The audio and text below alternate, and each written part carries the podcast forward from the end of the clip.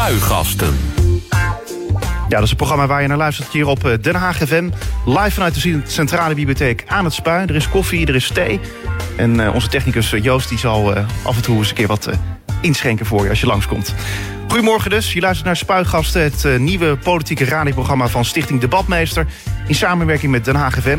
Tot 11 uur neem ik de afgelopen politieke week door. En dat doe ik ook met mijn gasten. De Tweede Kamer zou deze week uh, over twee hoofdpijndossiers debatteren. Eerst staat de versoepeling van het kinderpardon op de agenda. En direct daarna gaat het over het klimaatakkoord. Over beide onderwerpen liep afgelopen weken de spanning op. Vooral de onderhandelingen over het kinderpardon verliepen in crisissfeer. Maar op het laatste dossier werd alsnog een akkoord bereikt. Een groep van 700 kinderen wordt opnieuw beoordeeld. Naar verwachting mag 90% van hen in Nederland blijven. Met hun ouders erbij gaat het in totaal om zo'n 1300 mensen. Wat betekent dit nieuws nou voor Den Haag? De Haagse fractieleiders Frans de Graaf van de VVD... en Martijn Balster van de Partij van de Arbeid zijn te gast in Spuigasten. Ja, en uh, Europarlementariër Gerben-Jan Gerbrandi... die beschouwt in Spuigasten het debat in de Tweede Kamer... dat er eigenlijk nooit kwam. Uh, Gerben-Jan, goedemorgen. Goedemorgen. Ja, het ging namelijk over uh, het klimaatakkoord. Zou het in ieder geval in de Tweede Kamer gaan. Maar het ging niet door. Jammer? Ja, wel jammer. Uh, dat, dat debat komt er nog wel hoor. En de, de, hele discussie rond klimaatverandering zal de komende jaren nog bij ons blijven. Dus daar ben ik niet zo bang voor. Het was, het was echt een Haags toneelspelletje deze week. En dat is op zich jammer, want uh, klimaat is te belangrijk om daar zo mee om te gaan. Ja, het ging deze week niet alleen maar over het debat uh, over het klimaatakkoord... maar het ging ook nog over klimaatspijbelen, was ook in het nieuws. En ja, goed, het, het, klimaat, daar kun je altijd samen over praten. want ja, je bent een van de... je bent eigenlijk de Europese klimaatspecialist namens D60, zo word je omschreven. Dat klopt, die omschrijving? Ik uh, heb de afgelopen jaren veel aan, uh, aan klimaatbeleid gedaan. Ja, ja klopt. precies. Nou, dan mag je met recht een uh, specialist noemen. Zometeen dus in uh, Spuigasten. Maar eerst een overzicht van de afgelopen politieke week en de ontwikkelingen daarvan. Het politieke weekoverzicht. En dan beginnen we met... Maandag 28 januari. Ja, het is de dag na de grote gasexplosie in de Jan van der Heidenstraat in Laak... die een aantal panden wegblies. Het is natuurlijk verschrikkelijk wat hier gebeurd is. Als je, als je ziet hoe, de, hoe het er hier echt uitziet. En als je ziet dat die hele voorgevel eruit geblazen is. Dan denk ik, het zal je gebeuren. Je zit uh, gewoon uh, thuis. En de plek waar je veilig uh, weet. En dan ineens is daar die explosie. Het is echt verschrikkelijk. Ja, dat was de Haagse burgemeester Pauline Krikke. Gerbian Gerbrandi. Ja, wat heb je ervan meegekregen van die gasexplosie in, in Laak? Ja, nou, ik, ik schrok me rot, want ik zag het via sociale media binnenkomen. En als het dan in Den Haag is, ik, ik kom uit Den Haag, woon in Den Haag... dan komt het altijd toch weer wat anders binnen... dan wanneer het ergens anders in de wereld of, of ook ergens anders in Nederland is.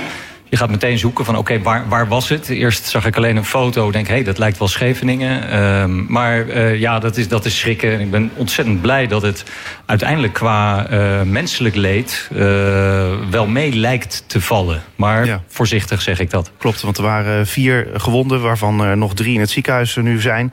Um, ja, is het zo dat, ja, dat je dan misschien toch nog gaat kijken... omdat je toch benieuwd bent van hoe ziet het eruit? Of ben jij niet zo iemand? Nee, ik, ik ben niet echt een ramptoerist. Um, ik, ik moet ook zeggen dat, dat vroeger was het heel moeilijk om, om dat dan te visualiseren. Maar met sociale media, voor je het weet, heb je, heb je een beter zicht dan wanneer je erheen gaat. Dus uh, nee, die, die neiging had ik niet. Precies. Gaan we naar de volgende dag. Dinsdag 29 januari. Bewoners van Den Haag moeten een nieuw paspoort of rijbewijs ook kunnen gaan ophalen bij een supermarkt of een PostNL afhaalpunt. Daarvoor pleit de VVD in de Haagse gemeenteraad. De reden voor het voorstel is dat mensen straks bij de meeste stadsdeelkantoren alleen nog op afspraak langs kunnen. Het stadsdeelkantoor kan soms uh, ver weg zijn. Hè? Neem bijvoorbeeld een Eskamp, dat is zo'n groot stadsdeel. En dan moet je toch soms best wel een eindje reizen voordat je daar bent. En, uh, en stadsdeelkantoren zijn natuurlijk ook maar beperkt open. Terwijl een supermarkt of een winkeltje, die kunnen ook in de avond uh, open zijn. Of op zondag. Ja, Gerbian Gerbrandi, goed idee dit? Om je paspoort ook te kunnen ophalen bij een supermarkt? Nou, ik, ik, ik, moet zeggen, ik hoor het nu voor het eerst. Het verbaast me een beetje. Ik, ik, ik vind een paspoort toch echt wel wat anders dan, uh, dan een, een, een, een brood. Um, daar komt bij dat ik hele goede ervaringen juist heb met, uh, met het ophalen van dit soort dingen. Want je kan een afspraak maken, je kan vaak s'avonds terecht. Vroeger moest je uren wachten en nu ben je zo klaar. Ja, precies. Woensdag 30 januari. Het uh, complete gemeentelijke dossier over de vreugdevuren op Scheveningen en in Duindorp wordt toch openbaar gemaakt. Zodra de informatie wordt aangeleverd aan de Onderzoeksraad voor de Veiligheid... gaat het ook naar de gemeenteraad. Dat schrijft de Haagse burgemeester Pauline Krikke aan de gemeenteraad. Ben blij dat uh, nu uiteindelijk toch onder druk van de Raad uh, de stukken openbaar worden gemaakt. Uh, want de burgemeester is ten alle tijde verantwoording verschuldigd aan de gemeenteraad. En wat ik vervelend vind is dat wij vorige week een vervelend debat hierover hebben moeten voeren. En dat nu weer de burgemeester eigenlijk een beetje de vermoorde onschuld speelt. Door te zeggen van ja, ik had toch aangekondigd dat er een brief zou komen. Als ze toen had gezegd dat we informatie hadden gekregen, dan hadden we toen dat debat niet op die manier moet, hoeven te hebben. Dus dat is heel vervelend dat het allemaal zo moet gaan. Ja, Joris Wijsmuller van de Haagse Stadspartij. Jij kent zijn stem, Gerben-Jan, of niet? Ja hoor, ja, ja. ja. ja. Uh, uh, ja wat, wat, wat vind jij hiervan, van deze discussie over... Het is inmiddels een maand geleden al uh, op, dat, dat op Scheveningen die vonkenregen was. Ja, hoe heb je dat meegekregen? Nou, um, ik, ik ben om, om een uur of één s'nachts ben ik nog uh, even de duinen ingegaan. Om, uh, toen dacht ik nog vol bewondering naar de enorme vuren te kijken die je dan in de verte ziet.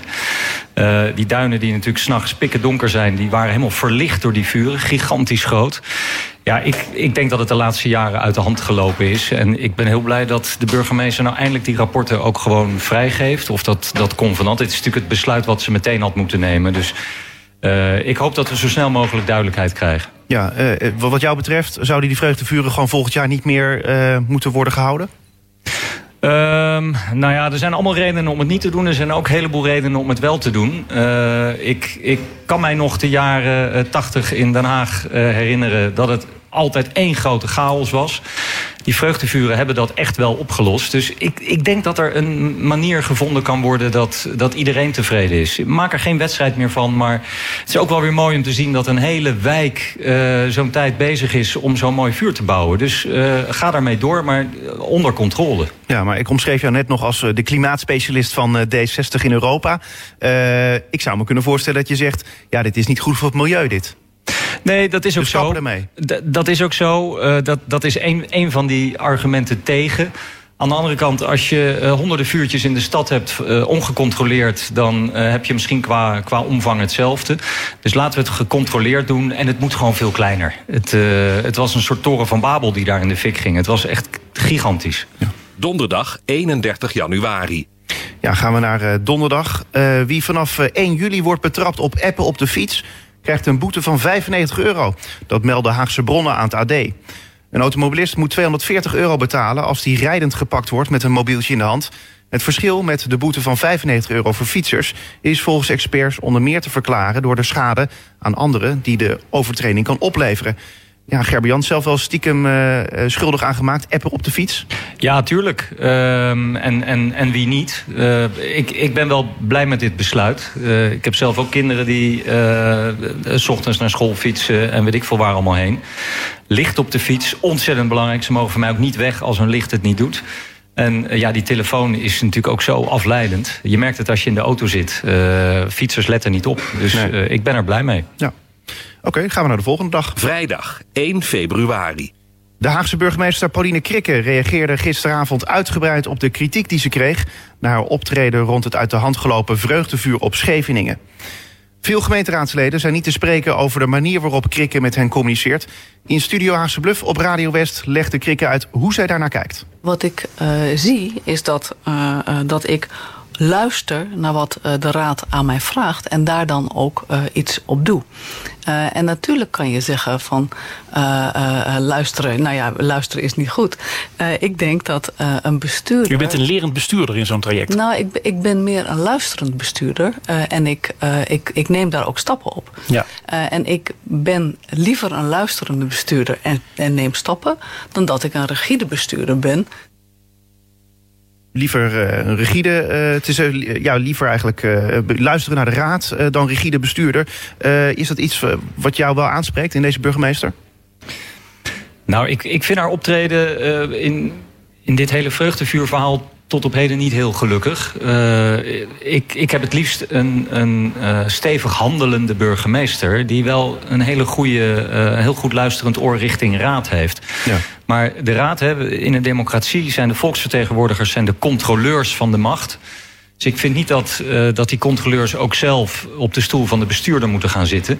Dus luisteren prima, maar een bestuurder moet wel zelf handelen... en dat op zo'n manier doen dat uh, de democratische controleur, de raad, het daarmee eens is. Zaterdag 2 februari. Ja, vandaag. Uh, Maastricht vormt vandaag het decor voor een internationale demonstratie voor actie, van actievoerders in gele hesjes. Voor Maastricht is gekozen omdat daar in 1992 de Europese Monetaire Unie is gesmeed door het tekenen van het verdrag van Maastricht. De gele hesjes demonstreren tegen Europa, maar ook tegen een heel scala aan pijnpunten waar gewone mensen, in de visie van de gele hesjes dan, last van hebben. Ja, Gerber-Jan, uh, ga je nog naar Maastricht of niet? ik, uh, ik was het niet van plan. Nee. Uh, en het, het, is mij ook een raadsel wat nou de agenda van de gele hesjes is. ik, ik vind ook dat er heel veel aandacht is voor een, een handjevol mensen... dat demonstreert en, en het totaal onderling ook oneens is... waarvoor ze demonstreren of waartegen. Dus ik, ik vind het een beetje een onbegrijpelijke beweging. Uh, onvrede onder de bevolking voor bepaalde ontwikkelingen... daar moet je uh, zeker oog voor hebben. Maar het mag ook wel wat concreter en niet alle kanten op vliegen. Ja, ik deed er net een beetje lacherig over, maar het zou ook wel zo kunnen zijn dat je denkt van nou, dit is juist een kans dat die G-lezers allemaal bij elkaar komen. Laten we als bijvoorbeeld uh, politieke partijen of politici met hen in gesprek gaan. Nou ja, en dat, dat gebeurt natuurlijk ook. Ik, ik denk dat politici tegenwoordig uh, oneindig veel toegankelijker zijn dan vroeger. Ik uh, ben het ook altijd totaal oneens met dat beeld dat de, de, de politiek geen, geen gevoel meer zou hebben voor de maatschappij. Politici zijn, zijn niet meer mensen uh, in ivoren torens. Ze zitten zelf volop in die samenleving. En met alle sociale media uh, heb je zo verschrikkelijk veel contact met mensen. Naast het directe contact. Dus uh, nee, ik, ik denk niet dat die gele hesjesbeweging daar iets aan toevoegt. Ja, dus niet in Maastricht, maar gewoon uh, in Den Haag blijven. Tot zover het weekoverzicht. Meer nieuws vind je natuurlijk op de website denhaagfm.nl. Spuigasten. 100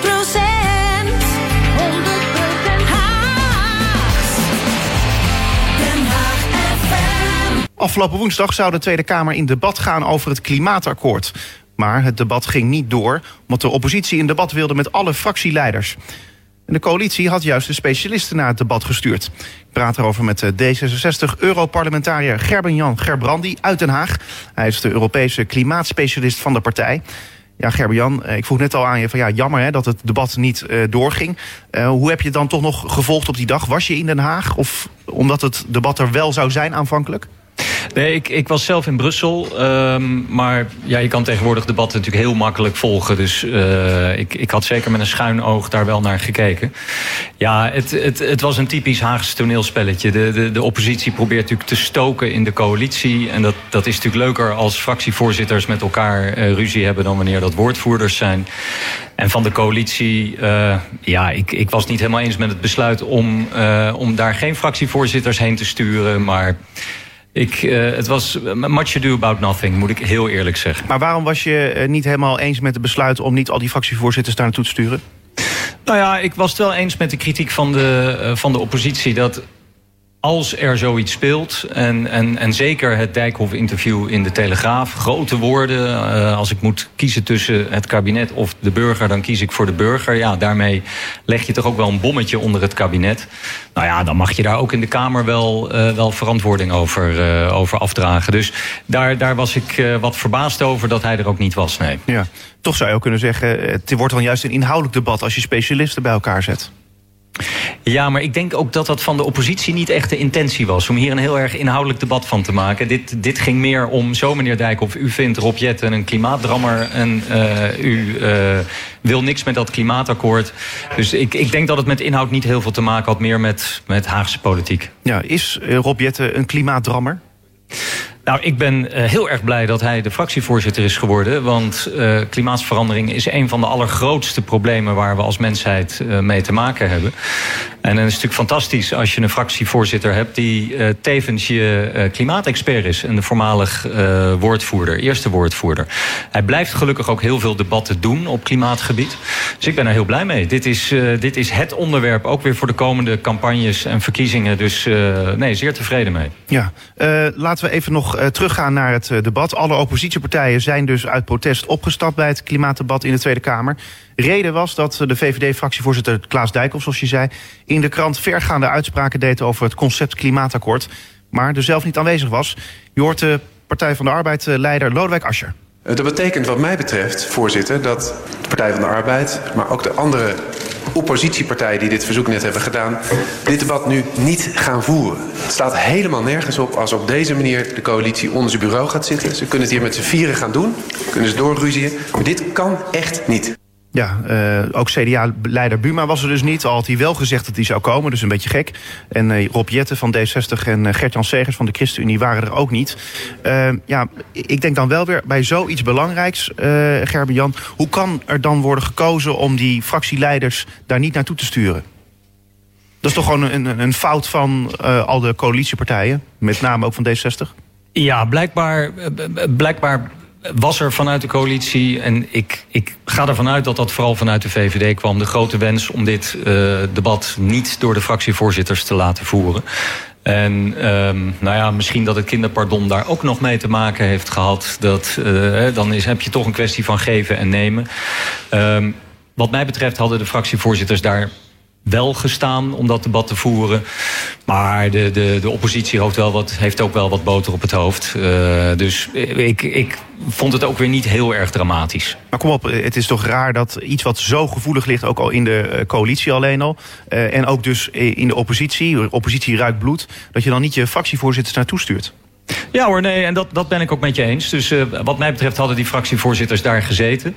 Um, de oppositie ruikt bloed. Ik, ik denk dat dat precies hetgene is waarom ze de fractievoorzitters daar wilden hebben. Dat had natuurlijk ook helemaal niks met de inhoud van klimaat te maken. Meer het ruiken van bloed binnen de coalitie. En uh, ja, dat, dat is in het Haagse spel natuurlijk altijd heel interessant. Ja, uh, Dijkhoff uh, die zei dus dat hij nog eerder het kabinet zou laten vallen... dan dat hij de burgers voor de kosten van de klimaatmaatregelen laat opdraaien. Wil dat dan zeggen dat D60 dat wel doet? Nee, natuurlijk niet. Uh, ik, toen ik uh, die, die zaterdagochtend wakker werd en uh, de Telegraaf uh, opende op mijn iPad... toen dacht ik, mijn god, wat krijgen we nou? Is de VVD zich nu helemaal aan het afkeren van het klimaatakkoord? Wat beter lezend viel het eigenlijk wel mee wat hij zei. En waren het vooral de koppen en, uh, en de, de, de grote chocoladeletters van de Telegraaf... Die, uh, die het meest kwalijk waren. Maar goed, daar wist de VVD natuurlijk alles van dat dat zo zou gebeuren. Dus het, het kwam de VVD blijkbaar goed uit om even wat afstand te nemen.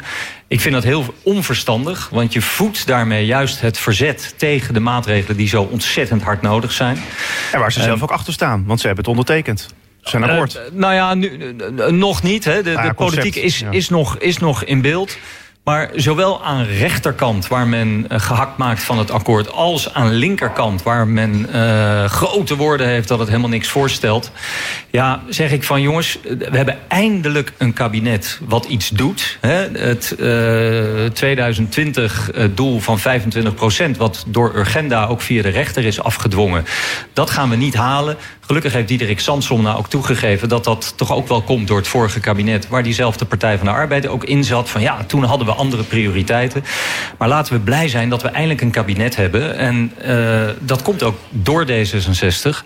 Dat eindelijk werk maakt van klimaatmaatregelen. Dus laten we daarmee doorgaan. Het is lange termijn uh, beleid. Dat hoeft niet uh, dit jaar of volgend jaar allemaal rond te zijn. Als we maar uiteindelijk in 2030, 2040 en 2050 uh, zijn waar we moeten zijn. Ja. laatste vraag over dit Kamerdebat dat er nooit kwam. over het concept klimaatakkoord. volgende week wordt het trouwens alsnog gehouden. Dus nou goed, misschien dat we dan nog een keer kunnen terugblikken. de vier fractievoorzitters van de coalitie hebben beloofd dat ze dan wel meedoen. het wordt dan echt een politieke discussie. Hè? Wat verwacht je daarvan?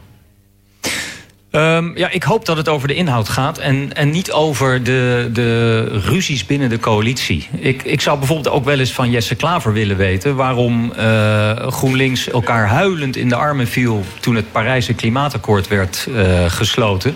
Terwijl toen al duidelijk was dat alle maatregelen die daarin stonden tot 3 graden temperatuurstijging zouden leiden. Dus veel te weinig maatregelen. En dat het nu met een klimaatakkoord wat eigenlijk verder gaat dan wat Nederland in uh, Parijs had toegezegd... dat het nu allemaal maar helemaal niks is. Die, die twee dingen die, die kloppen niet. Dus um, ja, ik, ik denk dat er inhoudelijk heel veel te bespreken is. En het allerbelangrijkste, denk ik, van het klimaatakkoord... naast alle maatregelen, is dat het doel nog eens een keer in beton gegoten is... En als uit de doorrekeningen van de planbureaus blijkt dat de maatregelen onvoldoende zijn ja, dan zal er meer moeten gebeuren. En dat heeft de coalitie wel onder, onderschreven uh, in het regeerakkoord. Dus ik denk dat dat heel belangrijk is. Nou, goede vraag aan Jesse Klaver. Uh, dan iets anders. Op 7 februari, donderdag dus, gaan Nederlandse scholieren spijbelen zodat ze naar een klimaatmars in Den Haag kunnen. De uitnodiging om te spijbelen voor een beter klimaat is afkomstig van scholieren van het Dalton College in Den Haag. De leerlingen hebben medescholieren opgeroepen zich donderdag te verzamelen op het Malieveld... om aansluitend een mars te lopen door de Hofstad. Je hoort de onderwijsminister Arie Slop hierover. Het is heel fijn als ze uh, een grote betrokkenheid hebben bij uh, dit onderwerp. En als dat ook verder uh, gestimuleerd wordt, ook door in het onderwijs de aandacht aan te besteden, is dat denk ik ook heel erg mooi. Maar onderwijs is onderwijs en spijbelen, daar, daar gaan wij geen ruimte voor bieden. Ja, Gerben-Jan Gerbrandi, uh, onderwijs is onderwijs, daar gaan we geen ruimte voor bieden. Nou is D60 en onderwijspartij en uh, partij ja, die eigenlijk opkomt voor het klimaat. Dus het lijkt me een moeilijke ja, afweging die je moet maken. Nee hoor, ik, ik vind dit heel droogstoppelig. Uh, zoals niet alleen maar Arie Slop, maar ook Erik Wiebes hierop gereageerd hebben. Um, ik, ik vind het fantastisch. En ik, uh, bij mij thuis wordt het extra op de voet gevolgd. Want twee van mijn drie kinderen zitten op Dalton. Dus uh, die, die, uh, alles wat op televisie of in de kranten staat... zie je ze enthousiast meekijken. Ik vind het hartstikke mooi. Wij willen jongeren die, die maatschappelijk geëngageerd zijn. En dit zijn jongeren, je ziet het in, in Zweden, je ziet het in, in België. Dit zijn jongeren die zijn enorm geëngageerd. Die willen, die willen iets doen. En natuurlijk doen ze dat niet op een zaterdagmiddag of op een, op een zondagmiddag... want dan krijgt het totaal geen aandacht. Ja. Dit is een, een schreeuw van jongeren van, uh, uh, aan de huidige generatie die het voor het zeggen heeft... van verpest mijn toekomst niet. Ja, maar laten ja, ik vind het fantastisch. Maar laten we wel wezen, ik bedoel, als die jongeren het zo belangrijk vinden... dan hoeft het toch niet per se onder schooltijd. Het kan dan toch ook s'avonds buiten de uh, uren dat ze naar school moeten... of in het weekend? Oh, absoluut. En in Brussel is dat vorig weekend ook gebeurd. En dat waren nog meer mensen dan... en ook nog meer scholieren dan, dan overdag. Maar het, het zegt iets. En daarom vind ik, vind ik uh, het symbolisch ook wel mooi. Van wij zijn bereid om zelfs uh, te gaan spijbelen. Uh, voor het klimaat. En kijk, wat, wat Erik Wiebes zegt van nou, je hebt er meer aan om op school te zitten, want we hebben verstandige mensen nodig. Ja, uh, als je een keer naar de tandarts moet, dan mis je ook een les. Dus uh, zo erg is dat niet. En ik vind het fantastisch dat jonge mensen uh, ja, hun, hun betrokkenheid tonen. En de politiek tot de orde roepen. Ja. Fantastisch. Maar de vraag is wel van, ja, kijk, één keer naar de tandarts is oké okay misschien. En misschien één keer demonstreren kan ook oké okay zijn. Maar als dit dus elke week gaat gebeuren, en dat is natuurlijk het, het idee erachter, dan is het een heel ander verhaal. Ja, en, en, maar laten we niet te ver op de feiten vooruitlopen. Uh, laten we gewoon eens even kijken. Um, en laten nou ja, ze, ze, zeggen zelf dat het de bedoeling is om maar elke week uh, een zo'n mars te gaan Jawel, maar um, he, nu, nu zijn de scholen redelijk uh, rekkelijk hierin. En zeggen ze, nou prima, je krijgt ook de mogelijkheid om dat te doen. De ouders hebben een brief gekregen van geef toestemming. Ik geloof dat op sommige scholen kinderen ook nog een, een, een selfie moeten sturen... dat ze niet ergens anders zitten dan bij de demonstratie. Kijk, dat, dat gaat natuurlijk niet wekenlang uh, elke week uh, op die manier gebeuren. Dus laten we gewoon even afwachten. Maar ik denk dat veel belangrijker is dat de politiek hier niet droogstoppelig op reageert van... Uh, nou, voer je kinderen en ga lekker op school zitten. Nee, kijk eens naar de inhoudelijke boodschap van die kinderen... en neem klimaatverandering serieus. En ga met die kinderen in gesprek en zegt... ja, jullie hebben helemaal gelijk. Uh, we gaan er nog meer aan doen dan wat we nu al doen. Ja, eh, D60-Europarlementariër Gerben-Jan Gerbrandi... als zelfs de jongeren nu vinden dat er sneller actie moet worden ondernomen... op het gebied van klimaat... Ja, hoe, lang, hoe langzaam gaat het dan eigenlijk wel niet in die Europese en uh, Nederlandse politiek? Nou, het, het is heel lang veel te langzaam gegaan. Uh, en ik, ik, ik denk dat, dat twee dingen heel belangrijk zijn. Eén, uh, nadat, nadat dat concept klimaatakkoord werd gepubliceerd... Uh, ja, raakte een heleboel mensen in paniek. Ik moet nou binnen een jaar moet ik mijn huis isoleren... en een warmtepomp uh, kopen enzovoort. Nee, daar hebben we 10, 20, 30 jaar de tijd voor. Zoals uh, ook, ook vanuit die klimaattafels is gezegd... elk huis wordt de komende 30 jaar nog wel eens een keer grondig verbouwd. Dus neem het dan mee. Nou, prima, dat is één ding. We hebben de tijd. Het andere is dat we, uh, dat we het wel moeten gaan versnellen. Want hoe eerder je begint, hoe lager de kosten. En alle kabinetten hieraan voorafgaand hebben dit laten liggen. En dankzij D66 is het nu eindelijk heel centraal in het uh, regeerakkoord uh, terechtgekomen. Daar hebben we andere dingen voor opgegeven. Ik vind ook nog altijd ontzettend jammer dat GroenLinks op het laatste moment besloot om niet deel te nemen. Hè. Nu allemaal kritiek hebben op het klimaatakkoord. maar zij hadden met D66 aan de knoppen moeten zitten om de rest bij de les te houden. Ze hebben ervoor gekozen dat niet te doen. Ik ben van de politieke lijn als je de zetels hebt, moet je die gebruiken. Virtuele zetels heb je helemaal niks aan. Het gaat niet om de volgende verkiezingen. Het gaat om uh, de verkiezingen die je net achter de rug hebt. En dat politieke kapitaal moet je gebruiken. Nou, dat doet D66 gelukkig nu door klimaat op één te zetten. En daar ben ik heel blij om. Ja, er komen overigens wel verkiezingen aan inderdaad. Uh, in maart, maar ook in mei de Europese verkiezingen. Uh, maar jij wil niet terug naar Den Haag. Het is het naar Brussel, sorry. Nee, klopt. Ik, uh, ik heb het twee termijnen gedaan. Dat is tien jaar. Uh, en uh, tien jaar van maandagochtend tot donderdagavond van huis zijn... dat, dat heb ik wel weer gezien. Um, daarnaast denk ik ook dat het heel gezond is... om niet te lang in een bepaalde omgeving te blijven hangen. Dus ik, ik ben weer aan het rondkijken wat ik, wat ik verder kan gaan doen. Iets op klimaatgebied misschien? duurzaamheid? In ieder, geval, in ieder geval iets met duurzaamheid. dat kan klimaat zijn, dat kan energie zijn. mijn hart ligt het meeste bij natuur, biodiversiteit. En daar moet ook een heleboel aan gebeuren. Dus uh, we zullen het zien. Maar uh, ik kijk er erg naar uit om op een andere manier mij voor die uh, zaken in te zetten. Gerbian Gerbrandi, de Haagse D60-Europarlementariër. dank je wel. Spuigasten. Het politieke radioprogramma van Debatmeester. Op Den Haag FM. Ayarpi Tamarazian is ongelooflijk blij dat de coalitiepartijen een akkoord hebben bereikt over het kinderpardon. Dankzij die nieuwe regeling mag de Armeense waarschijnlijk in Nederland blijven. De afgelopen drie maanden verbleef ze samen met haar familie in het Haagse buurt- en kerkhuis Bettel om zo uitzetting te voorkomen. Ik praat erover met de twee fractieleiders eh, uit de Haagse gemeenteraad. Frans de Graaf van de VVD en Martijn Balster van de Partij van de Arbeid. Goedemorgen beiden. Goedemorgen. Goedemorgen, Ivar. Ja, eh, ontzettend blij ook daarbij. Frans de Graaf? Nou, ik ben heel blij voor de kinderen dat er een einde is gekomen aan hun onduidelijkheid. Ja, en Martijn? Ja, ik ben ook heel blij. Ze hebben zo lang in onzekerheid gezeten. Het is mooi dat daar nu eindelijk het verlossende woord is. Ja, Frans, eh, goed dat het kabinet deze kwestie nu heeft aangepakt eindelijk? Um, nou ja, wat ik zei, het is heel fijn voor die kinderen dat er een einde is gekomen is aan de onduidelijkheid voor hen en de onzekerheid. En ik heb minder begrip voor de mensen die verantwoordelijk zijn voor het feit dat ze in die positie zijn gekomen. Zoals uh, de overheid met slechte regelgeving, zoals uh, de ouders van die kinderen, zoals de asieladvocatuur. Uh, eigenlijk hebben die, die kinderen dat aangedaan en dat moet je eigenlijk nooit meer willen. De politiek ook? De politiek ook. Ja, en de VVD dus ook.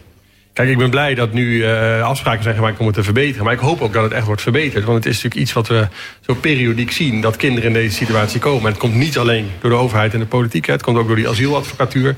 En door ouders die misschien soms beter weten in dan maar hier blijven. Uh, maar dan moet je kinderen niet aandoen, vind ik. Martijn, eens? Nou, deels. Um, ik ben het met, uh, met Frans eens dat de procedures beter moeten. Um, maar he, als kinderen langer dan vijf jaar in Nederland zijn en geworteld zijn, dan moeten we, uh, ze, uh, dan moeten we ervoor zorgen dat ze ook kunnen blijven. en niet alleen omdat we een kinderrechtenverdrag hebben, hebben die dat regelen. En omdat we weten dat als je kinderen dan nog terugstuurt, dat het hele grote persoonlijke gevolgen kan hebben voor kinderen.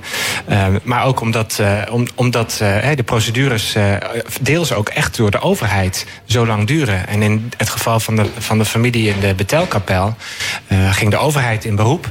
Heeft 2,5 jaar geduurd. En daarna werd teruggekomen op het eerdere besluit dat de familie mocht blijven. Nou, dat zijn zulke uh, vreselijke. Uh, dat heeft zo'n vreselijke impact voor, voor de familie en voor deze kinderen. Ja, dat je op een gegeven moment, als ze al zo lang in Nederland zijn, echt uh, moet besluiten om ze te laten blijven. Ja, en vooral ook omdat er zoveel media-aandacht voor was. als je kijkt naar bijvoorbeeld naar Lily en Howick. De twee kinderen die wel in Nederland mochten blijven, omdat de staatssecretaris een discret, ja, hoe noemen we het ook alweer? Discretionaire bevoegdheid. Precies, ja. die dat inderdaad, ja, die dat wel gebruikte. Ja, dan is het toch raar dat, dat zo'n Armeense familie dan niet in Nederland mag blijven? Ja, de groep is nog groter. Hè? Uh, ongeveer 600 kinderen zijn langer dan, dan uh, vijf jaar in Nederland. En er is uh, in het kabinet Rutte 2 ooit een kinderpardonregeling gekomen. Maar die is dermate streng dat kinderen alsnog daar nauwelijks voor in aanmerking komen. Um, en daar moet echt beter naar gekeken worden. Want we zullen echt, het gaat om kinderen Uh, we zullen echt de spelregel moeten hanteren dat als procedures langer dan vijf jaar duren, dat kinderen moeten blijven. Ik ben het, er, ben er wel mee eens met iedereen die zegt: zorg nou dat procedures niet onnodig lang duren. En als de overheid daar een hand in heeft, en dat gebeurt echt met enige regelmaat, ja, dan moet de overheid ook de hand in eigen boezem steken. En uh, dan is het na vijf jaar is het gewoon uh, helaas voor de overheid in dit geval. Hè, maar dan mogen mensen blijven, want het gaat om kinderen. Ja, en wat reken jij dan bijvoorbeeld dit kabinet dan aan? Nou, dit kabinet heeft er vooral heel erg lang over gesproken. En uh, de minister, minister Harbers, heeft een uh, discretionaire bevoegdheid, zoals we net al aangeven. In schrijnende gevallen mag de minister besluiten dat families mogen blijven. Procedures zijn maar procedures, die zijn nooit helemaal perfect. Het gaat altijd om mensen. En uh, uh, ik vind dat, uh, dat Harbers die discretionaire bevoegdheid vaker moet gebruiken. En voor deze groep gewoon echt een uitzondering moet maken. Ja, en nu is besloten dat die bevoegdheid dus overgaat naar de, ja. in ieder geval naar de directeur eigenlijk van het IND. Uh, dat, dat is niet goed wat jou betreft. Ja, dat is een symboolmaatregel, want de minister blijft verantwoordelijk. Uiteindelijk is de minister verantwoordelijk voor al zijn ambtenaren onder hem. Dus uh, du moment dat zich weer schrijnende situaties voordoen... wordt de minister naar de Tweede Kamer geroepen. En zul je opnieuw dezelfde discussie krijgen. We zullen de procedures moeten verbeteren. We zullen natuurlijk moeten voorkomen dat schrijnende situaties ontstaan... om de door de procedures korter en duidelijker te maken. Maar er zullen altijd situaties zijn die schrijnend zijn. En dan moet de overheid wat de Partij van de Arbeid betreft ruimhartig zijn. Ja, Frans, die IND heeft dus een baas, uh, de staatssecretaris... dus het werkt helemaal niet in de praktijk, zegt Martijn Balster. Nou ja, dat gaan we zien. Kijk, ik vind zelf ook belangrijk om schrijdende situaties te voorkomen. Maar ik zou ook vooral de oproep aan ouders en asieladvocaten doen... om te voorkomen dat je kinderen in die situatie komen. Als je uit een land komt waar het veilig is... en de overheid beslist dat je terug moet, de rechtsstaat beslist dat je terug moet... dan heb je ook de keuze om terug te gaan en daarmee te voorkomen... dat jouw kinderen in die situatie terechtkomen. Ja, maar uh, ja, goed, jij, jij bent tevreden met hoe het nu dan uh, opgelost is? Of is dit een soort van pleister op de wond?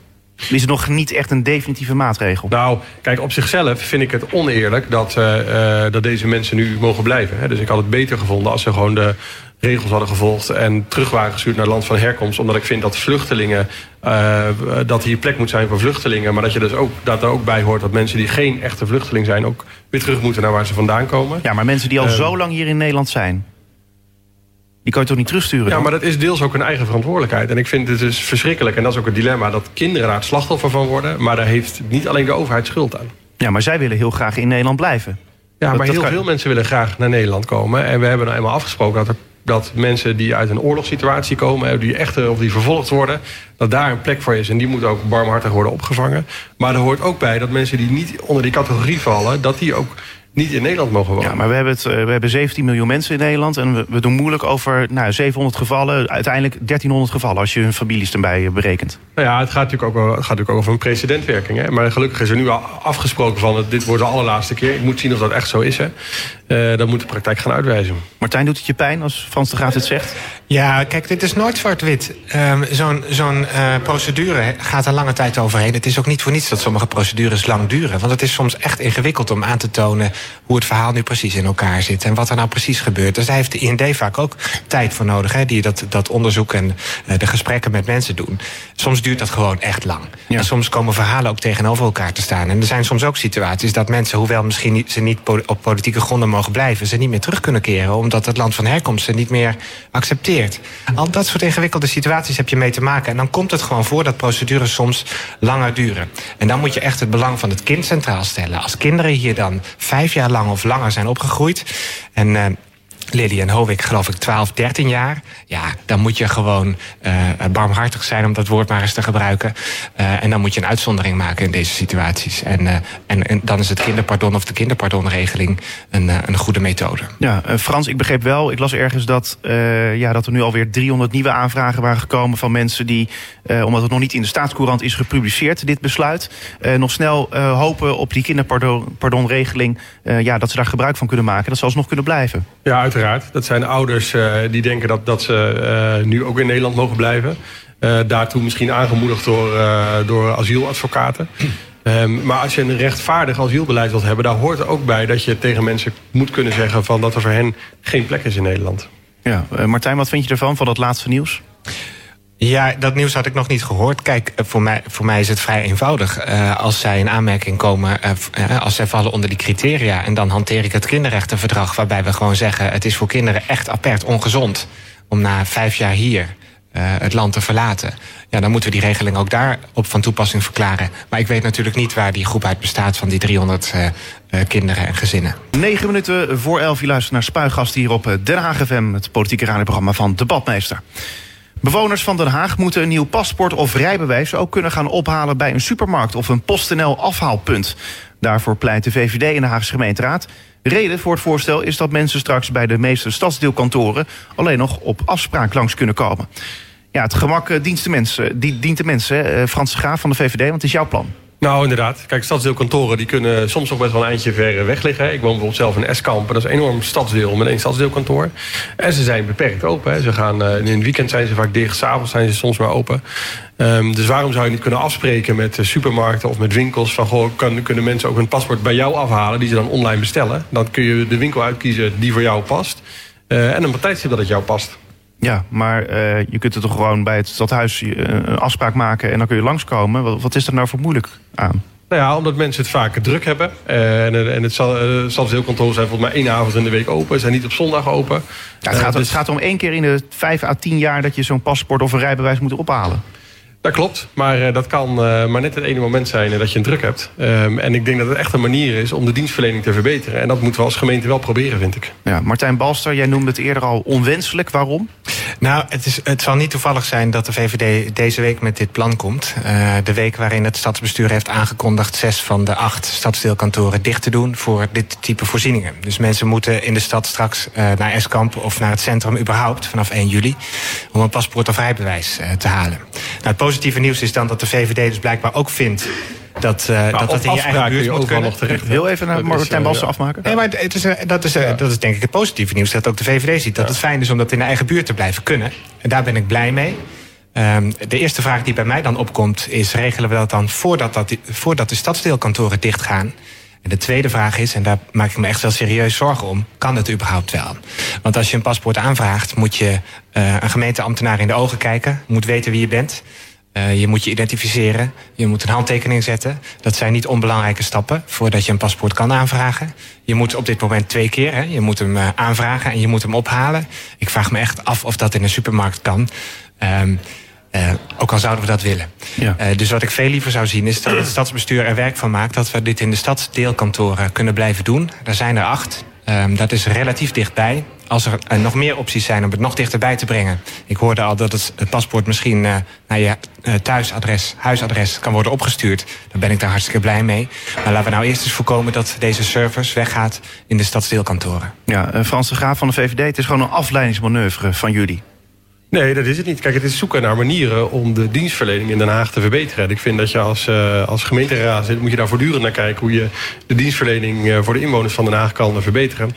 Uh, ik wil ook nog wel een ander punt maken, want de heer Balsen zegt nu dat de stadsdeelkantoren dicht gaan. Kijk, dat, dat is gewoon niet waar. De stadsdeelkantoren blijven open. Je kunt er, de wijziging is dat je alleen op afspraak nog maar terecht kan. Ja, nee, maar... per 1 juli kan je er geen paspoort en rijbewijs meer aanvragen. Dat is het besluit wat dit college heeft genomen. En dat neemt ze omdat ze 12 miljoen wil bezuinigen op de gemeentelijke dienstverlening. Nee, nee, nee, nee. Nu, moet, daar... nu moeten we even eerlijk nee, zijn. Maar daar moet de VVD we, hebben een, we hebben een, een, wijziging gehad, namelijk dat je paspoort 10 jaar geldig uh, is. Uh, daar heeft het college in februari vorig jaar van gezegd... dat was toen wethouder Baldoesing, die is lid van uw partij... gezegd dat daardoor het aantal bezoekers uh, met 80% zou afnemen in de stadsdeelkantoren... en dat dat dus ook consequenties zou hebben voor de service in de stadsdeelkantoren. Nee, maar kijk, daar twisten we niet over. Uh, als er minder paspoorten worden verstrekt en minder rijbewijzen worden verstrekt... Ja. dan is er minder dienstverlening nodig. Dat ja. begrijpen we allemaal. Ja. Maar dat is nog iets anders dan het besluit nemen... dat je voor je rijbewijs en paspoort niet meer in een stadsdeelkantoor nee. terecht kan. Precies, dat dus we hebben situatie nee, dat in februari... Maken, dat het dit college, besluit neemt het college. Dit college besluit om dit niet ja. meer aan te bieden op die stadsdeelkantoren. Ja. Dan komt u met een best prima voorstel om dat op een andere manier in die stadsdelen te regelen. Maar dan moet u ook de vraag beantwoorden: is die regeling er straks voordat die stadsdeelkantoren ja. dichtgaan? Of niet? Want anders gaat ja, er ik ben blij. Geef even antwoord op die vraag. Ik ben in elk geval blij dat dit college dan een besluit neemt. Want het vorige college zag het blijkbaar wel de problemen. Uw wethouder zag wel de problemen, maar heeft er geen besluit op Nee, maar geeft u nou eens antwoord op deze vraag. Is maar... dit alternatief in de wijken er nou straks voordat per 1 juli die stadsdeelkantoren dichtgaan voor de rijbewijzen en de paspoorten. De stadsdeelkantoren gaan niet dicht voor de rijbewijzen en paspoorten, meneer Balser. Nou, dat kunt staat wel- in de brief van Je de- kunt wel van alleen nog maar op afspraak terecht. Nee, dat is per 1 februari. Dat is per gisteren gebeurd. Eh, dus daar, eh, vanaf gisteren kunnen mensen alleen nog op afspraak terecht in de stadsdeelkantoren. En per 1 juli zijn paspoorten en rijbewijzen alleen nog aan de Leijweg te verkrijgen en in het centrum. En daar maak ik me zorgen om, want er zijn 80.000 mensen laaggeletterd in de stad. Er zijn ontzettend veel ouderen die het ingewikkeld vinden om die dienstverlening allemaal digitaal te regelen.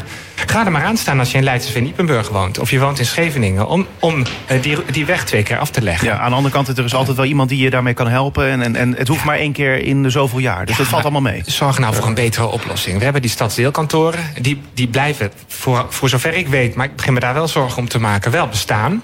Eh, zorg nou dat je daar op gezette tijden in ieder geval een paspoort en een rijbewijs kan aanvragen. En dat dat, dat dat iets minder wordt. Ja, omdat er minder aanvragen zijn, dat begrijpt iedereen. Dat kan ik me ook goed voorstellen. Frans de Graaf, wat, wat, wat, wat doet me, eh, ja, het college zeg maar, om ervoor te zorgen dat iedereen op een makkelijke manier zijn eh, paspoort en rijbewijs kan blijven eh, aanvragen? Nou, ja, dat je er dus een afspraak voor kan maken. En dat je dus gewoon naar die stadsdeelkantoren kan. Dus meneer Bals moet echt nog die brief nog even goed lezen. Ehm, en wij hebben gezegd van ja, weet je, als de dienstverlening verandert... kijk dan ook naar een beetje innovatieve manieren... eh, om de dienstverlening nog verder te verbeteren. En ik ben wel blij dat de heer Bals zegt dat hij dat eh, in principe een goed idee vindt. Ja, maar ja, ik, ik snap nog helemaal niet zo dat eh, waarom eh, je naar de supermarkt moet gaan of naar de eh, PostNL afhaalpunt om je rijbewijs op te halen. Dat is zeg maar het andere deel van jouw plan. Ja, zodat dat zeg maar eh, goed ge- geregeld wordt. Want ja, ik denk dan van ja, dan kun je het bijna overal eh, gaan doen. Er hoeft toch geen marktpartij zich hier in dit proces in te mengen. Het is toch juist heel belangrijk dat eh, ja, die, die, die documenten die zo belangrijk zijn voor iedereen, voor jou, voor jou en voor mij, dat die ja, gewoon goed worden geregeld. En dat kan toch bij de overheid het beste? Nou, daar, daar ben ik het dus niet mee eens. Ik denk dat je er prima afspraken kunt, over kunt maken met betrouwbare marktpartijen. Dat hebben we bijvoorbeeld ook gezien met de postpakketjes. Hè. Dan moest je vroeger voor naar, het- naar het officiële postkantoor, wat ook eigendom was van de overheid. Maar de kans dat het En- misgaat is, is heel groot. Is groter dan, dan bij Ja, de overheid. En ook niet wat, nodig, maar hou nou eens op om te denken, Ivar, dat de overheid alles goed doet en dat de markt overal een potje van maakt. Dat is in de theorie van de sociaaldemocratie is dat zo. En in de praktijk is het precies andersom. Nee, maar waarom maakt de VVD het nou zo moeilijk? We hebben nu de stadsdeelkantoren waar het kan.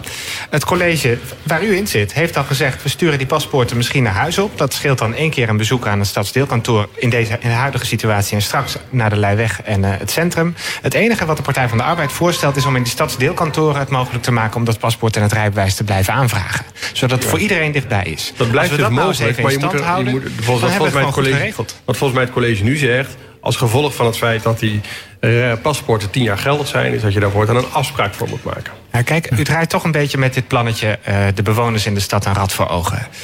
Dit stadsbestuur gaat 12 miljoen bezuinigen op de gemeentelijke organisatie. Dat moet uit de lengte of de breedte komen. Dat zou onze keuze niet zijn om zoveel